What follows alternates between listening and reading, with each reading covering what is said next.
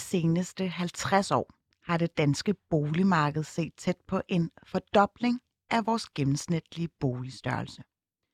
More is more, og med eksploderende boligpriser i landets større byer, kan man sukke langt efter lejligheden eller villaen med de velindrettede kvadratmeter. Men en ny strømning inden for arkitektur og design rykker for alvor ved vores forestilling om tegltag og ligusterhæk. Tiny House-bevægelsen, der har vokset så stor i USA og nu har fundet vej over Atlanterhavet i Danmark, og undskyld, i Danmark summer nysgerrigheden omkring livsstilen, hvor man indretter sig i små boliger på helt ned til 10 kvadratmeter. Etableringen af flere tiny house landsbyer er så småt sat i søen landet over, og i skrivende stund forener Facebook-grupper mere end 10.000 nysgerrige sjæle, der er fælles om interessen for de små. Men hvad kan disse miniatyre boligforhold gøre godt med? Og er tiny house-bevægelsen en selvvalgt strategi, der vender den stigende forbrugerisme og overflod ryggen? Det skal vi blive klogere på i dag i kogepunktet. Mit navn er Phyllis Jassar, og jeg har Louisa Heimann, kommunikationsrådgiver og skribent og ejer af et tegnehus med i studiet. Og Anders Bøjsen, der også bor i et tegnehouse på bare 14 kvadratmeter. Velkommen til jer begge to. Tak. Vi vil gerne høre din holdning. Send en sms til 92 45 99 45.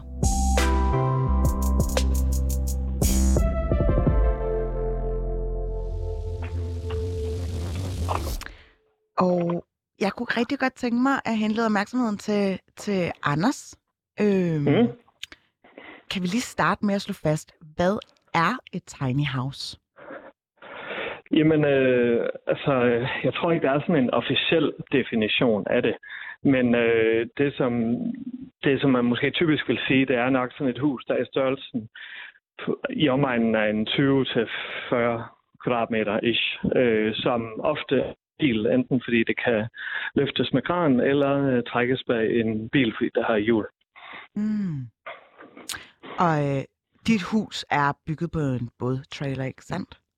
Jo, det er korrekt. Øhm, Louisa, hvordan kan det være, at du kom på ideen om at downsize på boligfronten?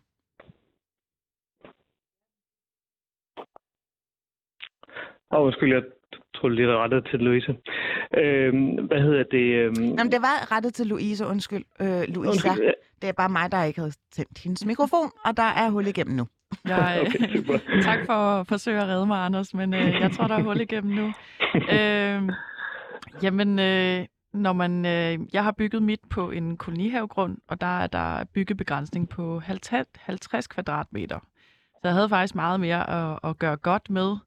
Men øh, jeg havde inden da også boet i et øh, 20 kvadratmeter stort øh, kolonihavehus, og havde der erfaret, at på meget lidt plads øh, kan du faktisk sagtens have alt, hvad du, hvad du lige har brug for. Øhm, så jeg gik i gang med, hvad der skulle blive øh, et 17,5 kvadratmeter øh, stort hus. Okay, så du upgradede lige der. Ja. øhm, og, men har faktisk planer om at bygge øh, det, det andet tiny house om, om noget tid. Øh, Altså på samme grund? på samme eller? grund, ja, Nå. fordi lige nu har jeg kun brugt, øh, hvad kan man sige, øh, en procentdel af, af, af de 50 kvadratmeter, så jeg har jo næsten øh, 30 tilbage. Øhm, og det kunne jeg godt tænke mig at bygge på et tidspunkt. Øh, men så jeg sådan faktisk startet med gæste tiny houses til min, øh, min kommende øh, ejendom. Og hvorfor skal du have to huse? Jamen, øh, egentlig, jeg, jeg tror egentlig, jeg kommer fra sådan et lidt andet sted i den her tiny house-bevægelse, øh, som, som jeg også er glad for at blive inviteret ind øh, og bliver set som en del af her øh, af jer. Men øh, øh egentlig vil jeg gerne have et, et, et fristed, hvor der også øh, betyder meget for mig. Der kan komme venner og gæster, og på sigt kunne det være, at jeg skulle køre en lille sommer Airbnb. Når det andet hus kommer, så kan jeg bruge mit nuværende hus som, som gæste Mm. gæstebolig. Så for mig er det meget det der med at, at, at skabe et, et, et fristed for mig selv og på sigt nogle andre. Ah, men, men øh, selve tiny hvad betyder den øh, for dig? Øhm, I første omgang har det jeg har bygget efter de her bæredygtighedsprincipper. Øh, så jeg har købt lokalt øh, planketræ fra Forborg. Øh, mit hus ligger i Svendborg, så det er meget lokalt. Og øh, så i stedet for, øh, for rockwool som isolering, har jeg brugt noget, noget træfiber, øh, købt fra Jylland. Mm. og, og det er jo alt sammen meget dyrere end, end billigere materialer, man også kunne bygge af. Så på den måde har jeg fuldt bevægelsen, og så også det her med altså netop at, at bygge så småt som muligt. Øh, da det blev færdigt, mit, mit tegnehav, så tænkte jeg faktisk, at det, at det føles stort. Altså det var som om, jeg tænkte... Du bor alene? Jeg bor der alene, ja. Mm. Altså, det var som om, jeg godt kunne se, sådan, der, der kunne du egentlig godt have været taget 3, 3 kvadratmeter af, eller noget. Det, det er lidt underligt, at man kan skære så meget ned. Okay. Øh, Anders og, øh, og Louise, for den sags skyld, hvad betyder det at bo småt for jer? Altså, øh, hvordan foregår livet sådan helt praktisk? Er der noget, I mangler i hverdagen? Anders, du lægger ud. Ja, ja. Jeg var lige uh, taget ud et øjeblik. Kan jeg få et spørgsmål igen? Jeg vil egentlig bare gerne have dig til at sætte ord på, hvad det betyder at bo øh, småt. Mm. Jamen, øh, for mig betyder det øh, ret mange forskellige ting, men sådan overordnet, så handler det ret meget om, øh, Øh, det handler meget om frihed, øh, og det handler meget om at kunne leve i overensstemmelse med, med noget, som jeg synes er en, en, en bæredygtig måde at leve på. Øh, og det er to ting, der betyder ret meget for mig. Øh, men det at bo småt, det åbner ligesom døren ind til, at, at jeg så også kan bo billigere. Øh, og, og ved at bo billigere, så kan jeg så skræddersy øh, et arbejdsliv, øh, både som forfatter især, men også sådan som foredragsholder og sådan nogle ting, øh, som er lettere ligesom at få, få til at løbe rundt på en måde, når man bor småt. Øh, og så samtidig så er det meget nemmere for mig, at jeg kan designe præcis den bolig, øh, som, som er bygget øh, med mange af de samme materialer, som Louise hun også snakker om. Mm. Det er meget det, der går igen, synes jeg, i tiny house-bevægelsen. Ikke at alle gør det, men, men der er rigtig mange, der går op i at bygge med lokale materialer, med genanvendelige materialer osv. Øh, så det har også været en ting for mig, at det var mere overskueligt, fordi huset var mindre, men så også fordi det efterlader jo et mindre klimaaftryk, øh, når man ikke bor bruger så mange byggematerialer i sin, sin bolig. Ja, skal, jeg, skal jeg følge ja, op gerne. her? Øh, jeg gætter bare på, at, jeg, øh, at min garderobe måske førhen var lidt større end Anders' garderobe, så for mig har det betydet meget det her med, at, at jeg har ejet og købt en masse øh, ting, og også haft nogle jobs, der kunne finansiere det. Øh, og, og da jeg ligesom blev nødt til at, at skalere ned i mit øh, forbrug, altså af den simple grund, at der, der, virkelig, der vitter lidt ikke plads, og jeg har sådan nogle snydeløsninger med at opbevare alt mit ekstra tøj i mit, øh, i mit loftsrum og sådan noget. Mm. men, men der er en virkelig god, men når jeg så er i mit tiny house nu, så er der virkelig sådan en, en, en stram måde, man kan leve på. Altså sådan, der bliver hurtigt rodet, men så kan du også hurtigt rydde op, og så jeg har den der fornemmelse af, at jeg både at jeg sparer tid, men også, at der kommer sådan, sådan mere struktur på min, min hverdag og mit liv. Jeg tænker ikke bare sådan... Du kan ikke bare tillade dig overhovedet. Nej, og sådan det der shopping, shoppingmani øh, søndag eftermiddag, altså det, det er også bare sådan lidt, hvor skal det være? og det var jo ikke et spørgsmål før. Øh, så man bliver nødt til sådan at... man og lade være med at købe ting. Ja, øh, det, det, det bare, bliver bare meget mere sådan en, en hård deadline, eller et hårdt, hårdt krav, hvor før inde i mm. lejligheden, der var det bare sådan, ah, men det kan da godt lige klemmes ind, og så pludselig har man et hjem fyldt med alt muligt. Mm.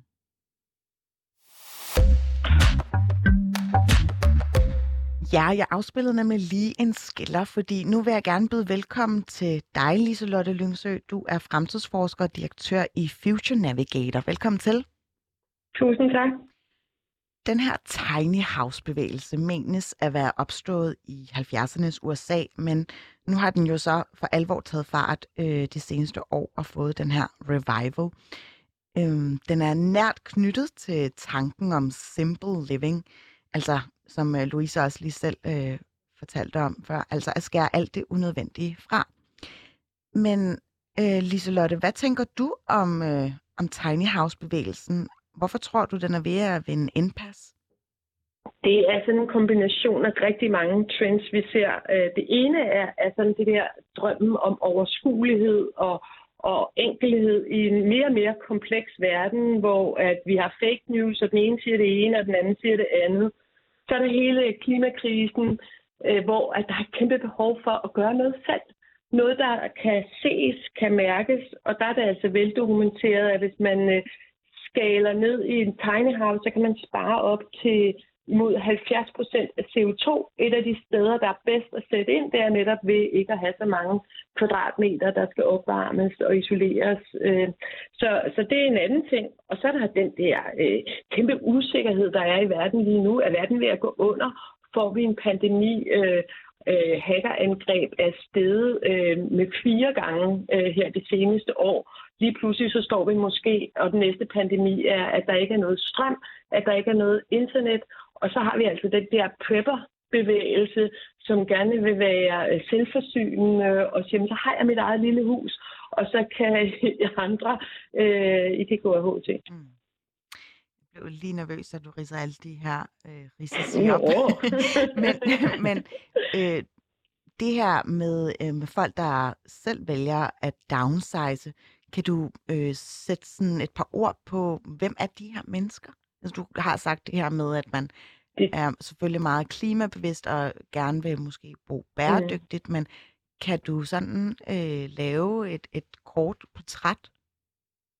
Jamen, det er også øh, at undgå den der produktbulimi, altså den der øh, følelsesløshed, vi har. Vi har jo øh, flere singler end nogensinde, altså op imod 40 procent bor alene, og du kan altså kun have et sæt tøj på ad gangen og være i et rum ad gangen. Så hvorfor ikke bygge øh, husets rammer omkring dig, så det passer til det, du skal bruge det til, om det er en arbejdssituation, eller om det er en sovesituation, eller om det er en spisesituation.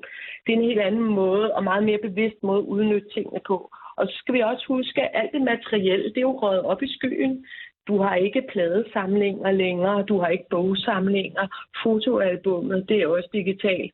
Så hvad er det egentlig for nogle fysiske ting, vi har brug for, hvis man stiller lidt skarpt på det?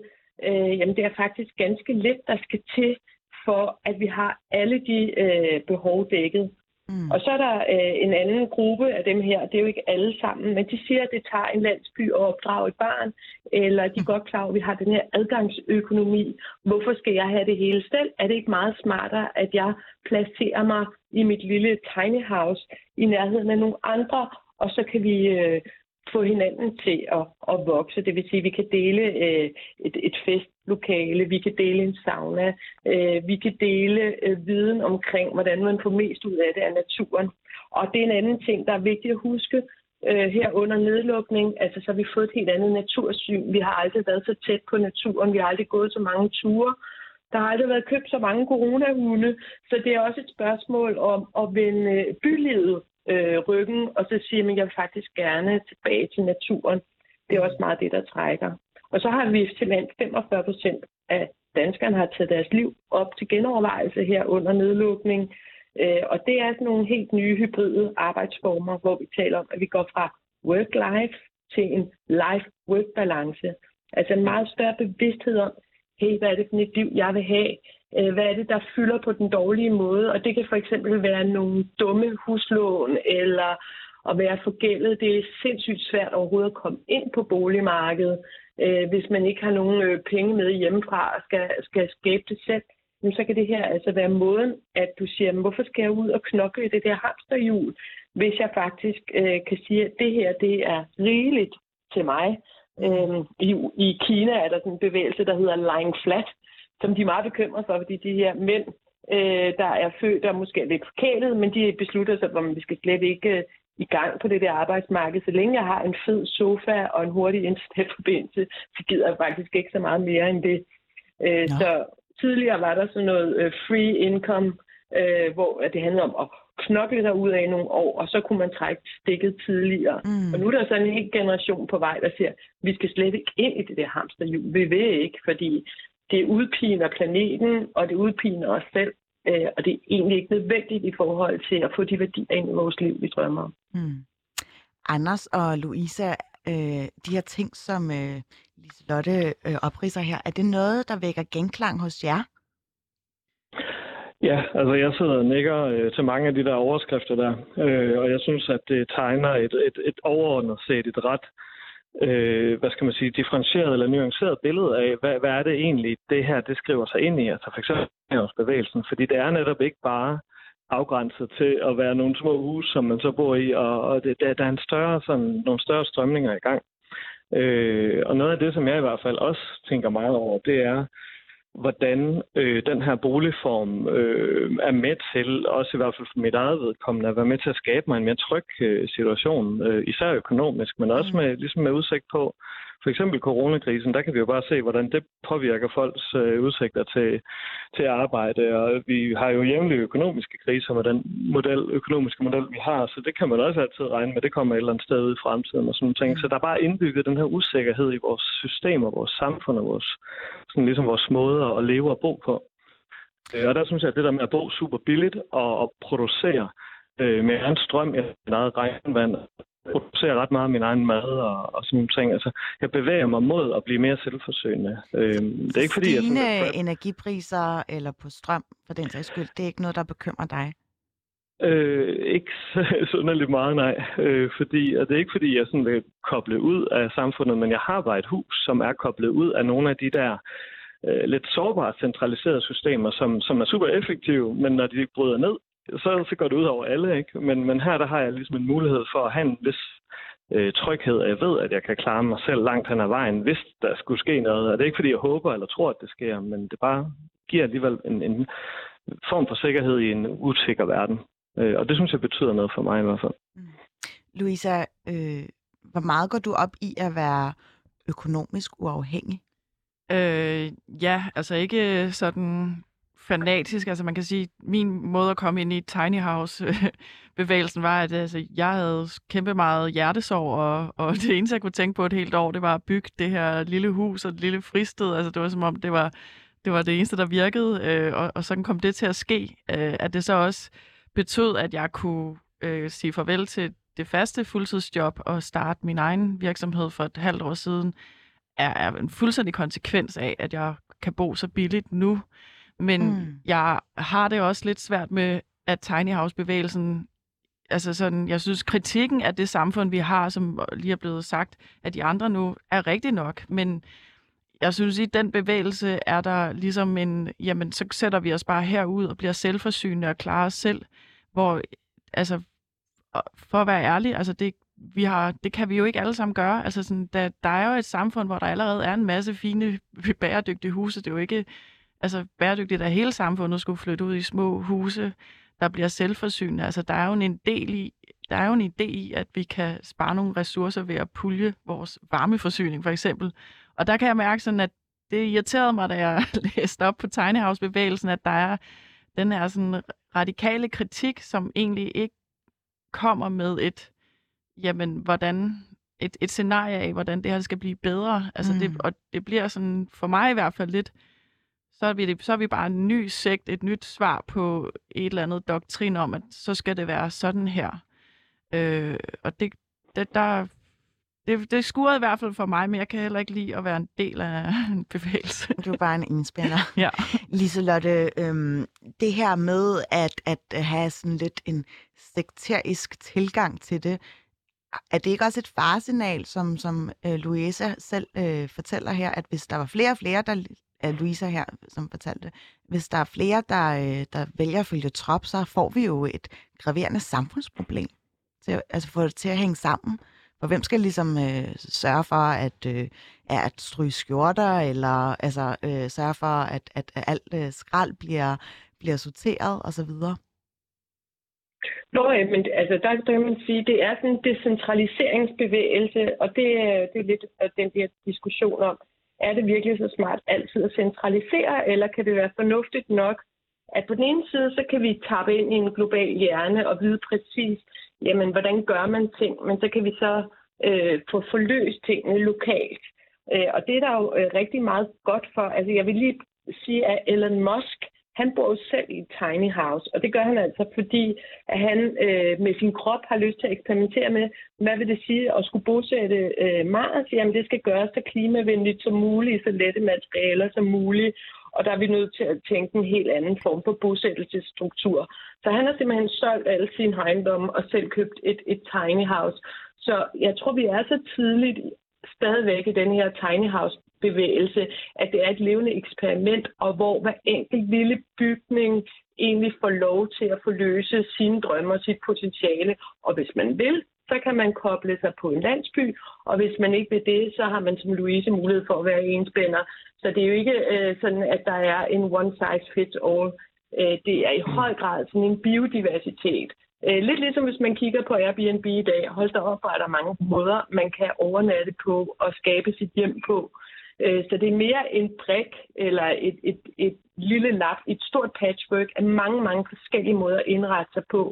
Men det er også vigtigt, at vi ikke bliver ved med at tænke i, at vi skal have flere og flere kvadratmeter per person. Jeg har selv siddet i bestyrelsen af Bolius, og vi kunne se, at der er rigtig mange, der talte om, at nu skulle de også flytte til noget mindre nu. Børnene var flyttet hjemmefra. Så gik der 20 år, så er de ikke flyttet, og så bliver de hængende i de der kæmpe boliger, og det er bare et kæmpe ressourcespil. Mm. Louise, du markerede lige. Øh, ja, det var for at sige, at altså, jeg synes, at Tiny House-svaret er, er, er, nødvendigt, er rigtigt i forhold til, altså, at folk har de her kæmpe sommerhuse, øh, som altså, virker til at blive større og større og bedre og bedre indrettet. Hvor jeg synes netop det, at når man bor så småt, så bliver det et fristed, fordi der er immer væk mindre, der skal støvsuges og gøres rent. Mm. Og der er en eller anden, øh, jeg tror, jeg har lært, det hedder taktilitet, når du, når du har hænderne i noget, når du står og tager opvasken, eller i mit tilfælde fandt jeg jo, jeg har kun koldt vand. Jeg skal jo varme mit vand i en kedel, hvis jeg vil have varmt vand. Altså, det lyder omstændigt. Ja, det siger man, men når man gør det, så bliver det bare sådan en del af et eller andet flow. Nå, men selvfølgelig, hvis øh, jeg lige skal have vandbad eller sådan noget, så, så må jeg lige koge kedlen. At, at der kommer en eller anden rytme i, at man har hænderne i det, man skal gøre, og gør kun det, man skal bruge, i stedet for ja. at det hele er, er knapper og opvaskemaskiner og klimaanlæg. Mm. Øh, jeg må også sige, at jeg har jo en lejlighed, jeg har snart fået tilbage til inde i København, og for mig er det virkelig drømmen, det der med at være i byen, og så tabe ud i mit øh, tiny house, hvor jeg lige sådan får berøring med, med jorden, og opvasken skal tages igen og så videre. Øh, jeg kunne aldrig drømme om at købe sådan en, et stort sommerhus, hvor der var opvaskemaskine og vaskemaskine. Altså sådan, jeg forstår ikke det der med, hvorfor vil du have to besværlige hjem? Hvornår er fristedet der? Mm. Liselotte, jeg kunne forstå, at du har en bagkant her om øh, et minuts tid, men bare lige her til slut på faldrebet. Øh, kan du forestille dig, at øh, tiny houses bliver større i en dansk kontekst? Altså, vi, vi er langt bagud i forhold til Australien og USA, så jeg tror bestemt, der er et potentiale. Og det der med life on wheels, altså det der med, at vores mobilitet stiger, at vi kommer til at, leve meget mere hybrid. Det er jo ikke kun i forhold til vores bopæl, vores sommerhus, det er også i forhold til tiny offices, ikke? Altså, vi kan mm. lave vores eget lille mobile kontor, som ligesom kan poppe op der det nu er praktisk i forhold til de arbejdsopgaver, vi skal løse. Så, så det fylder rigtig meget mere, at tingene ikke er, er færdigmodelleret, og sådan øh, den, den størrelse skal vi have. Ligesom alle boldene er kastet op i luften nu, øh, så, så jeg tror, vi kommer til at se meget mere eksperimentering, og måden, at man så øh, deler og kommunikerer det på på nettet, det er jo med til at skabe en, en større bevægelse. Og der har de her tiny houses øh, øh, landsbyer også meget skulle sige. Så skal vi huske, at der er nogle kommuner, som virkelig presser på. De har haft så mange problemer med at få individer til at bosætte sig, men hvis de ligesom kan gøre det attraktivt ved at skabe rammerne omkring sådan en tiny house øh, landsby, jamen så er der et helt andet øh, potentiale for at, at skalere netop, øh, få nogle stordriftsfordele, samtidig med, at folk får deres decentrale frihed. Mm. Det blev den sidste kommentar fra Liselotte Lyngsø, fremtidsforsker og direktør i Future Navigator. Ja, Anders Bøjsen, øhm, det er ikke mm. fordi, jeg ikke vil stille dig nogle spørgsmål, men øh, ja, det er bare lidt nemmere nogle gange at øh, stille spørgsmål, når man har folk med i studiet, så det kan ja. du overveje til en anden god gang. Øh, nu hvor du bor på et mobilt hus, så kan du tage huset ja, og parkere det herinde i Indre København til 48 mm. kroner i timen. øh, jeg kunne godt tænke mig at spørge dig, hvad har reaktionerne været fra dine øh, familie og venner?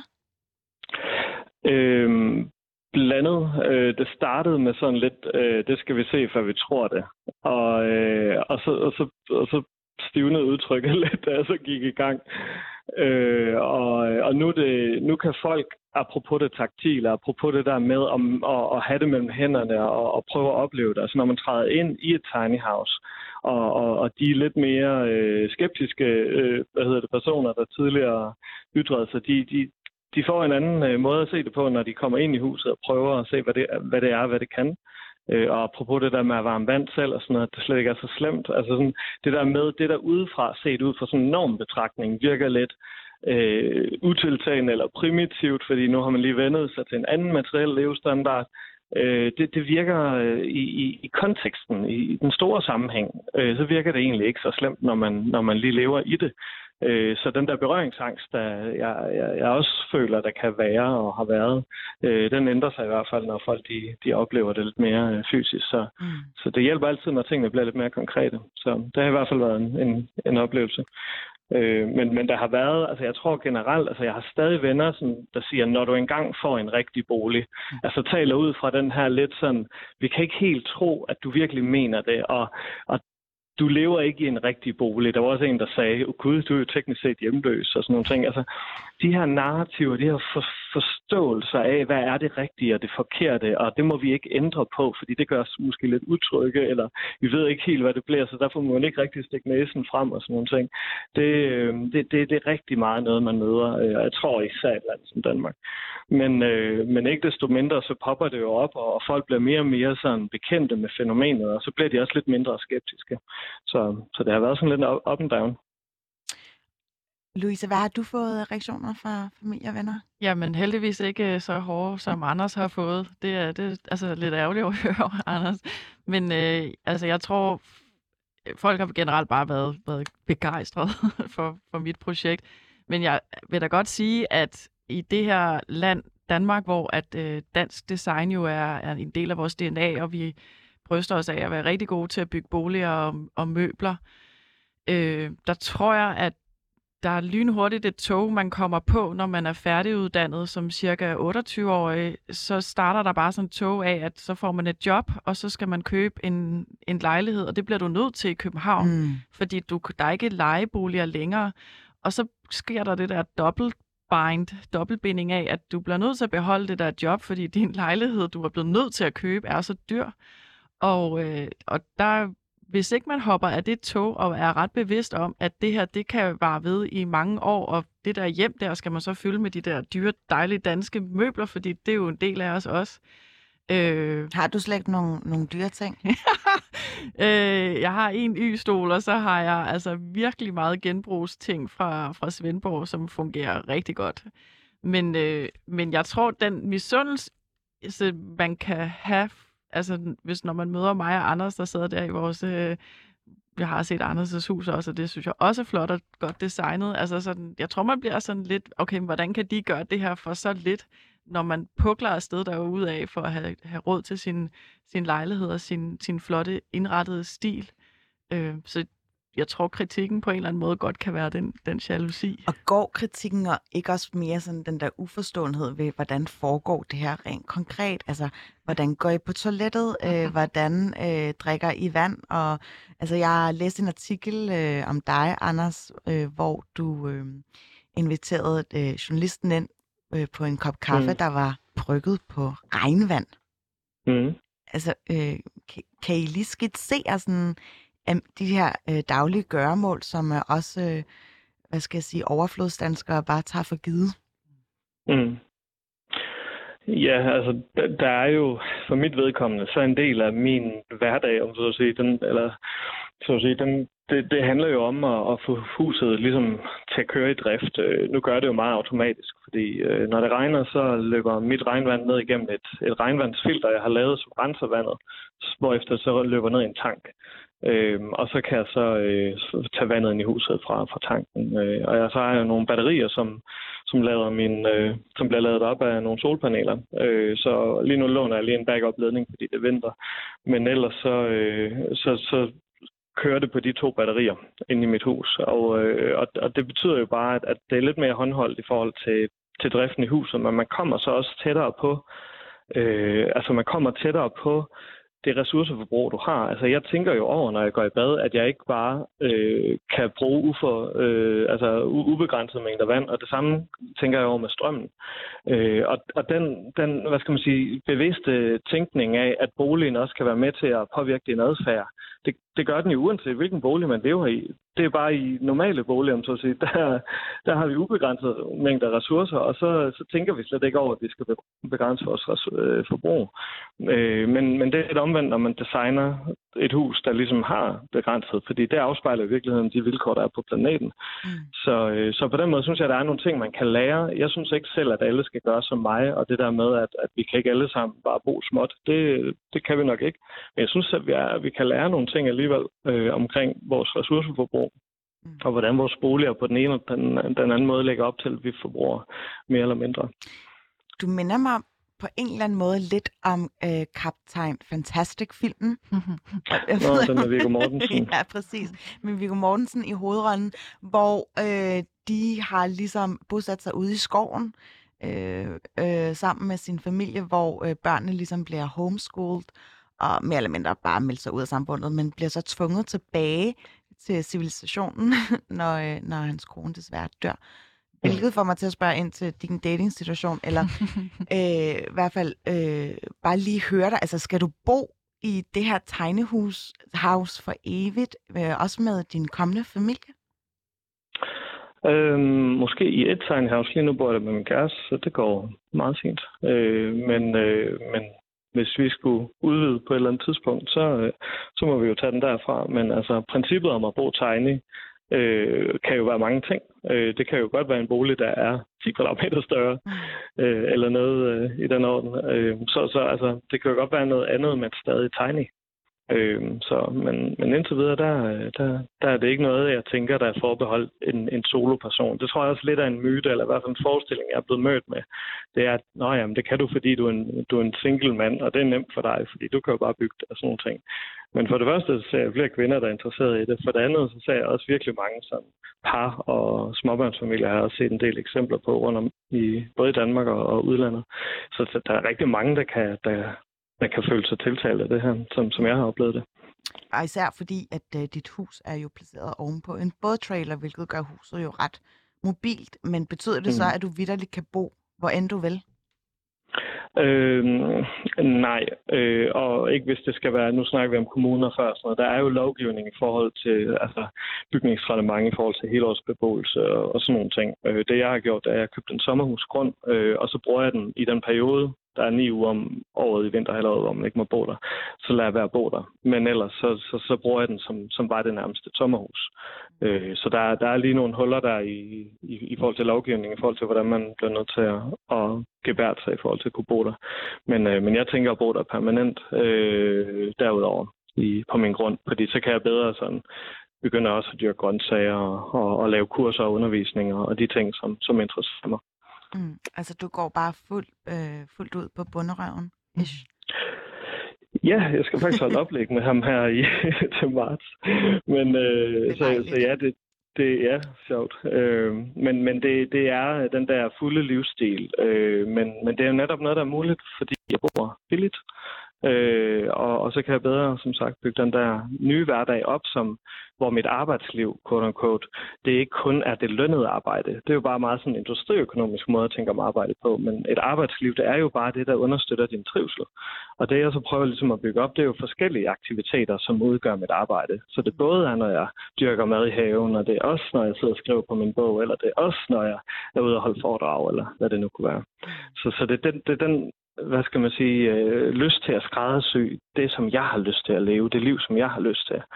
Øh, og det, jeg så håber på, det er jo, at man kan trække nogle generelle læringer ud fra, fra nogle af de her alternative boligformer, som, som måske er lidt mere øh, overførbare til, til den måde, som de fleste danskere forestiller sig, at de gerne vil bo på. Mm.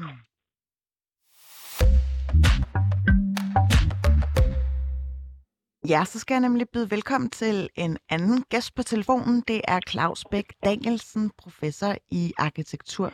Er det rigtigt? Det er rigtigt, ja. Goddag. Øh, jeg er ret glad for, at du har lyst til at være med, Claus, fordi jeg kunne godt tænke mig, at du ligesom får udpenslet den her nye strømning, altså Tiny House Movement. Øh, er det et nybrud inden for arkitektur? Ja, det er i hvert fald noget, man arbejder en del med i de her år. Altså man kan sige, at den generelle tendens i Danmark i hvert fald er jo stadigvæk, at vores boliger generelt øh, vokser og vokser og bliver større og større. Og, og vi har i Danmark noget nær verdensrekord i øh, boligareal per beboer. Men, øh, men der arbejdes med det i Danmark, med at, at der så er nogen, der, der gør det modsatte, går ned og, og downsizer. Øh, og vi kan også se det på sådan internationalt, at det er sådan en bevægelse, der er omsagrig. Men man kan jo også samtidig sige, at der er jo ikke som sådan noget fuldstændig nybrud eller noget nyt under solen, for det er jo øh, noget, arkitekter har arbejdet med gennem de sidste 100 år siden de mm. tidlige modernister. Dengang der kaldte man det så øh, øh, boligen for et eksistensminimum, men det var jo i mm. princippet meget det samme, man arbejdede med allerede på det tidspunkt, netop for at billiggøre boligbyggeriet. Så i takt med, at vi er blevet rigere, så har vi også gjort øh, større krav på, på flere kvadratmeter.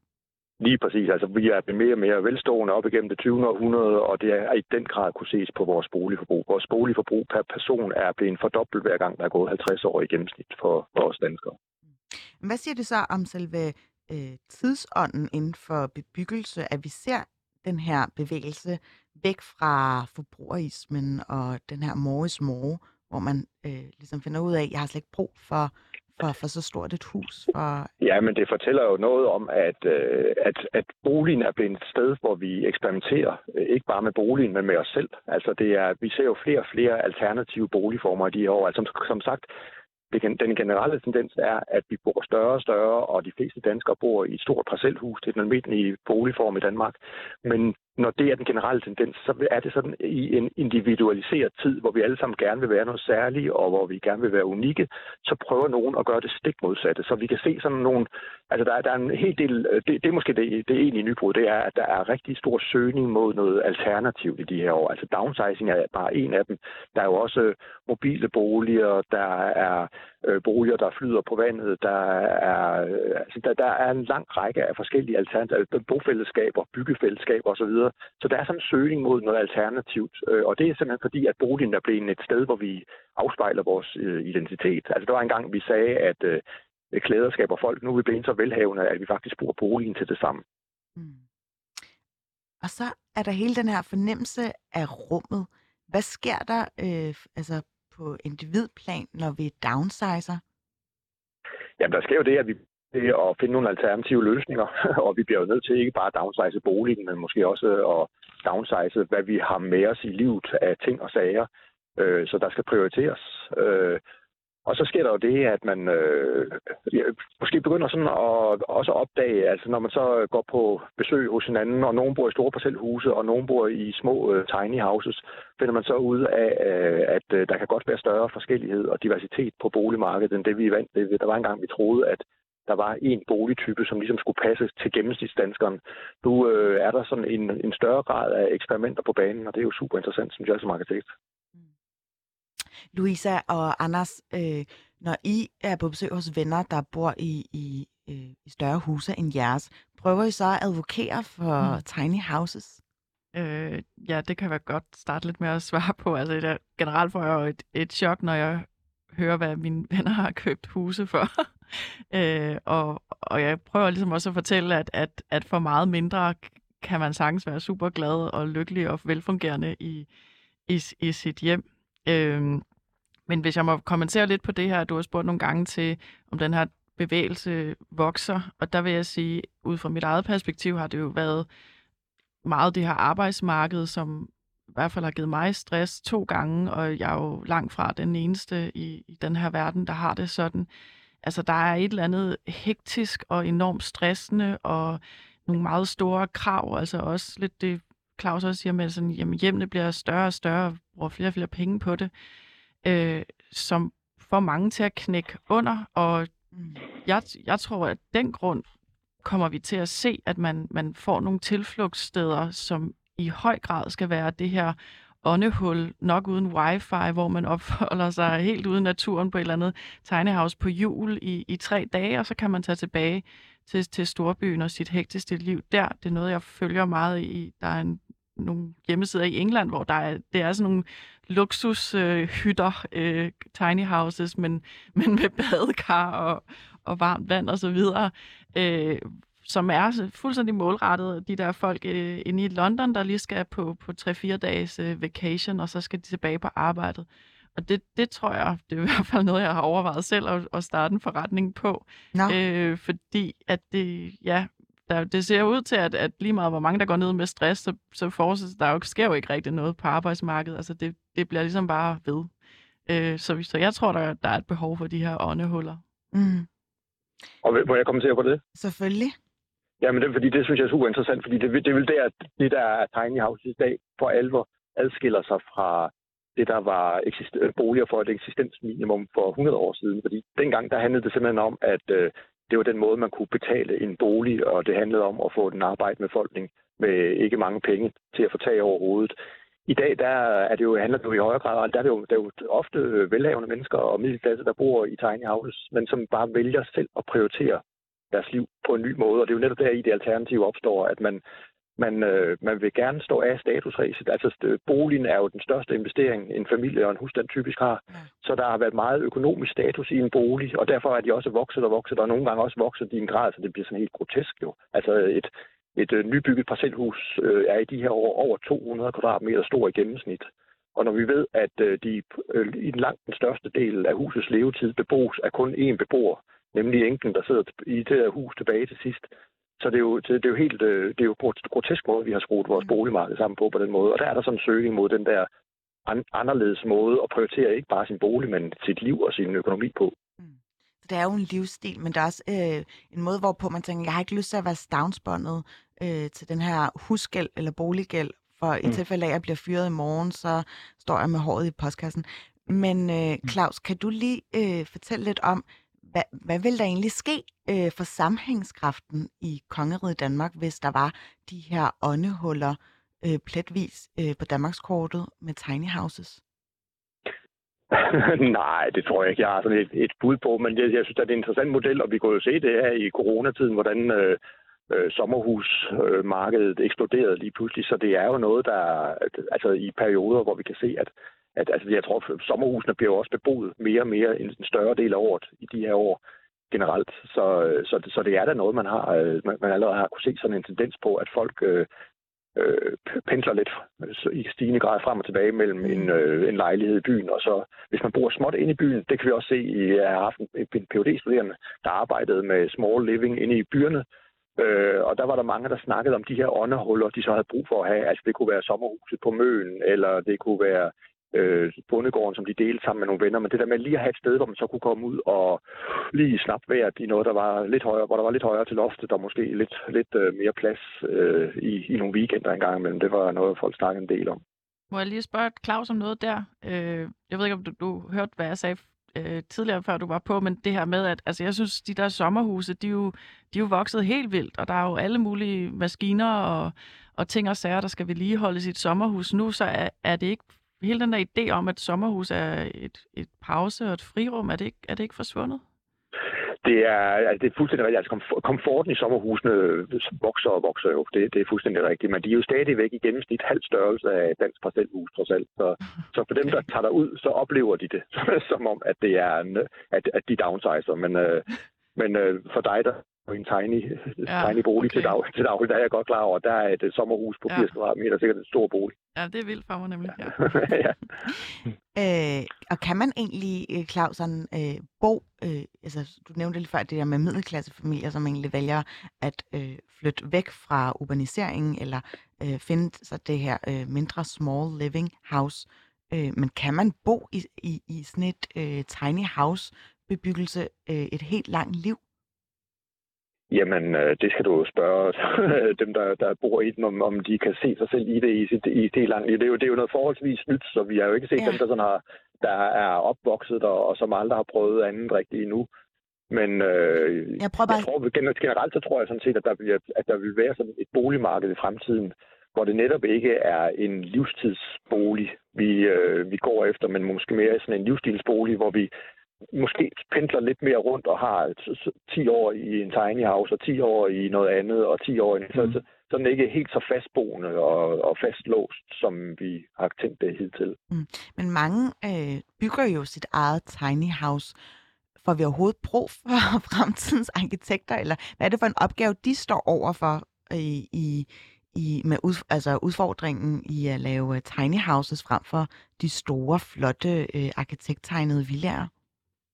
Jamen, der er jo en kæmpe opgave i det der, synes jeg, for arkitekter, fordi det er klart, at der er nogen, der går ud og, og selv gør det her, og de øh, viser lidt vejen frem for, for, for mange af os andre, men, men, men øh, hvis det for alvor skal slå an, så er det jo også det industrialiserede byggeri, der skal begynde at tænke i boliger i andre størrelser, end det vi ser i dag. Øh, og der er jo en kæmpe opgave for arkitekter at kaste over. Og det handler selvfølgelig om, at vi skal passe på i, på sigt, at det her ikke bliver til spekulanternes paradis, hvor de kan bygge små, usle boliger, som de så øh, kan sælge ind i byen, fordi alt kan sælges ind i byen. Det handler selvfølgelig om at udvikle de her tiny houses og, og downsized boliger ind i byen, så det er af høj kvalitet, så man ikke, altså, så, så man får ikke en bolig, der er af en lavere kvalitet, men der bare har nogle andre kvaliteter. Mm. Anders Bøjsen, hvad tror du egentlig øh, er, at fremtiden har at byde på med, med de her tiny houses, når du for eksempel øh, rejser landet rige rundt og holder foredrag? Hvad planter du så af fremtidsfrø?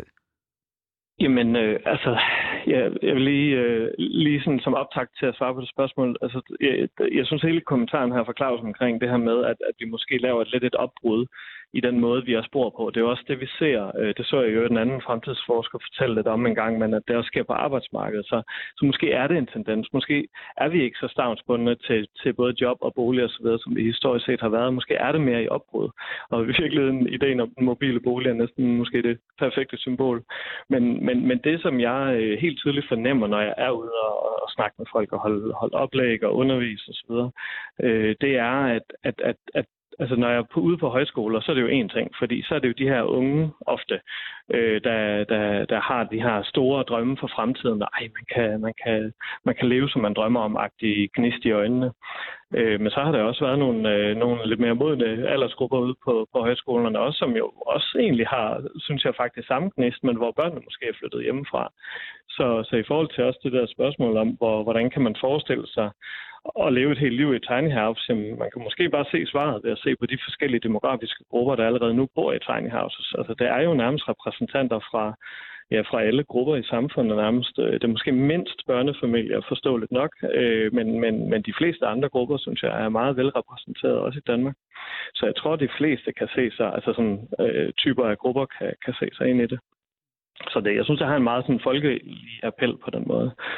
Øh, men, men jeg tror, at de fleste kan være meget enige om, at det er lidt uoverskueligt på mange områder, det her med, at, at vi, vi har lidt de her store øh, kriser, vi, vi konstant bliver mødt med, og den, den her tunge gældsbyrde, øh, man næsten skal underlægge sig øh, for at bare bo i en almindelig bolig osv., det, det er virkelig nogle, nogle, nogle tungvejende øh, mm. temaer, synes jeg, som, som det her kunne være, være en, en måde ligesom at adressere. Øhm, og derfor synes jeg heller ikke, det er så kriminelt at, at stikke næsen lidt frem og, og sige, at, at der er nogle systemiske forandringer, som, som måske bliver nødt til at, at, at, at komme, fordi Øh, vi kan jo ikke blive ved med at have fire jordkloders forbrug, øh, hvad nogenlunde det danskerne har i forhold til, hvis alle på jorden skulle have samme forbrug. Det kan vi jo ikke blive ved med, så, så det der med, at det kan vi jo ikke alle sammen bo i tiny house, men vi kan jo heller ikke alle sammen blive ved med at vokse og vokse og vokse i vores, vores forbrug. Altså, så det er jo heller ikke engang bare løsning. Så der må jo ligesom nogle, nogle nye boller på suppen. Så i forhold til også arkitekternes rolle og sådan noget, så synes jeg 100% at, at, at det er super interessant, hvis man, hvis man kan pick op på nogle af de der nye trends og tendenser, der sker, og så måske inkorporere nogle af dem i nogle, nogle nye øh, typologier, nogle nye måder at tænke boliger på i det hele taget. Mm. Men, men det er jo super komplekst. Det griber jo ind i, i alt muligt, så mm. det er en større opgave. Nu er jeg jo lidt en uforbederlig idealist, og jeg har allerede stirret mig lidt blæt ind på tiny house-bevægelsen her. Øh, især fordi jeg har lidt svært ved at øh, få plads i det københavnske boligmarked lige nu. Så, så bare sådan helt lavpraktisk, hvad gør man step 1, hvis man gerne vil få sig et tiny house?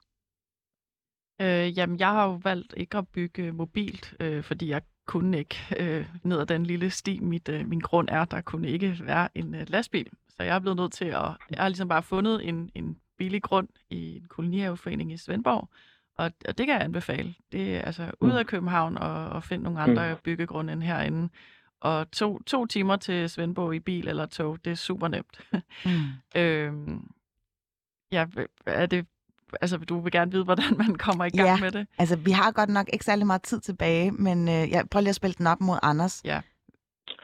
er det et langtidsprojekt? Jeg vil, øh, det, det kan det være, men det behøver det ikke være. For eksempel ude ved Grobåden i Æbeltoft, der er der en lille virksomhed, der hedder Småbyg, øh, hvor man kan melde sig til et byggekursus. Så kan man lære rent faktisk at, at bygge.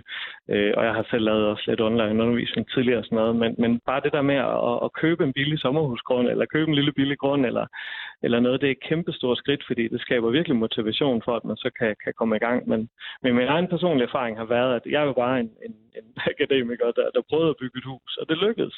Og der er så meget hjælp at hente, øh, både på nettet og, og blandt venner nogle gange, så, så ja, det, det, det er ikke så svært, som man måske skulle tro. Mm. Så det, det har været min personlige oplevelse i hvert fald. Så bare lige en afsluttende kommentar fra Claus. Øh, hvad skal jeg ligesom være opmærksom på, når jeg kaster mig ud i at bygge mit eget hus fra arkitektens briller? ja, altså du, der er jo, der er jo nogle øh, arkitektoniske fif, som man, øh, hvis, du, hvis du får fat i nogle bøger og nogle blade, hvordan du kan få små til at virke større. Altså for eksempel ved at have øh, den, den del af væggen, der støder op mod loftet. Hvis du putter glas i der, så kan du se loftet igennem, selvom der er en rumopdeler. Den, der er sådan forskellige måder, du kan få øh, rum til på den måde at fornemmes større, end de egentlig er. Øh, hænge reolerne op på væggen, i stedet for at have dem stående på gulvet, så gulvarealet kan, kan opleves hele vejen rundt. Så, så der er sådan forskellige fif til, hvordan rum kan opleves større. Og så de der, de der som jeg kaldte åndehullerne før, øh, en, en altan eller en terrasse, så du øh, i en del af året lige pludselig kan udvide din bolig og slå døren op og komme ud og få lidt højere til himlen, kan også være en stor hjælp til nogen. Spændende. Det noterer jeg. Det bliver det, det sidste, der er sagt for i dag i dagens kogepunktet. Jeg vil gerne sige tak til Louise Heimann, kommunikationsrådgiver og ejer af Tiny House. Tak fordi du gad at være med i studiet. Selv tak. Også en stor tak skal lyde til Anders Bøjsen, der forfatter og siden øh, altså, lavet sit eget hjem på jul. Og Claus Bæk Danielsen, der er professor i arkitektur på Aalborg Universitet. Også en tak til Liselotte Lyngsø, som er fremtidsforsker. Og øh, hvis du derude kan lide, hvad du hørte her i dag i K-punktet, så kan du finde din podcast på forskellige streamingstjenester. Jeg vil gerne lige lave en teaser for den 3. januar, hvor jeg bliver vært på endnu et program, nemlig Boomer og Baby, sammen med min personlige yndlingsboomer, David Træs.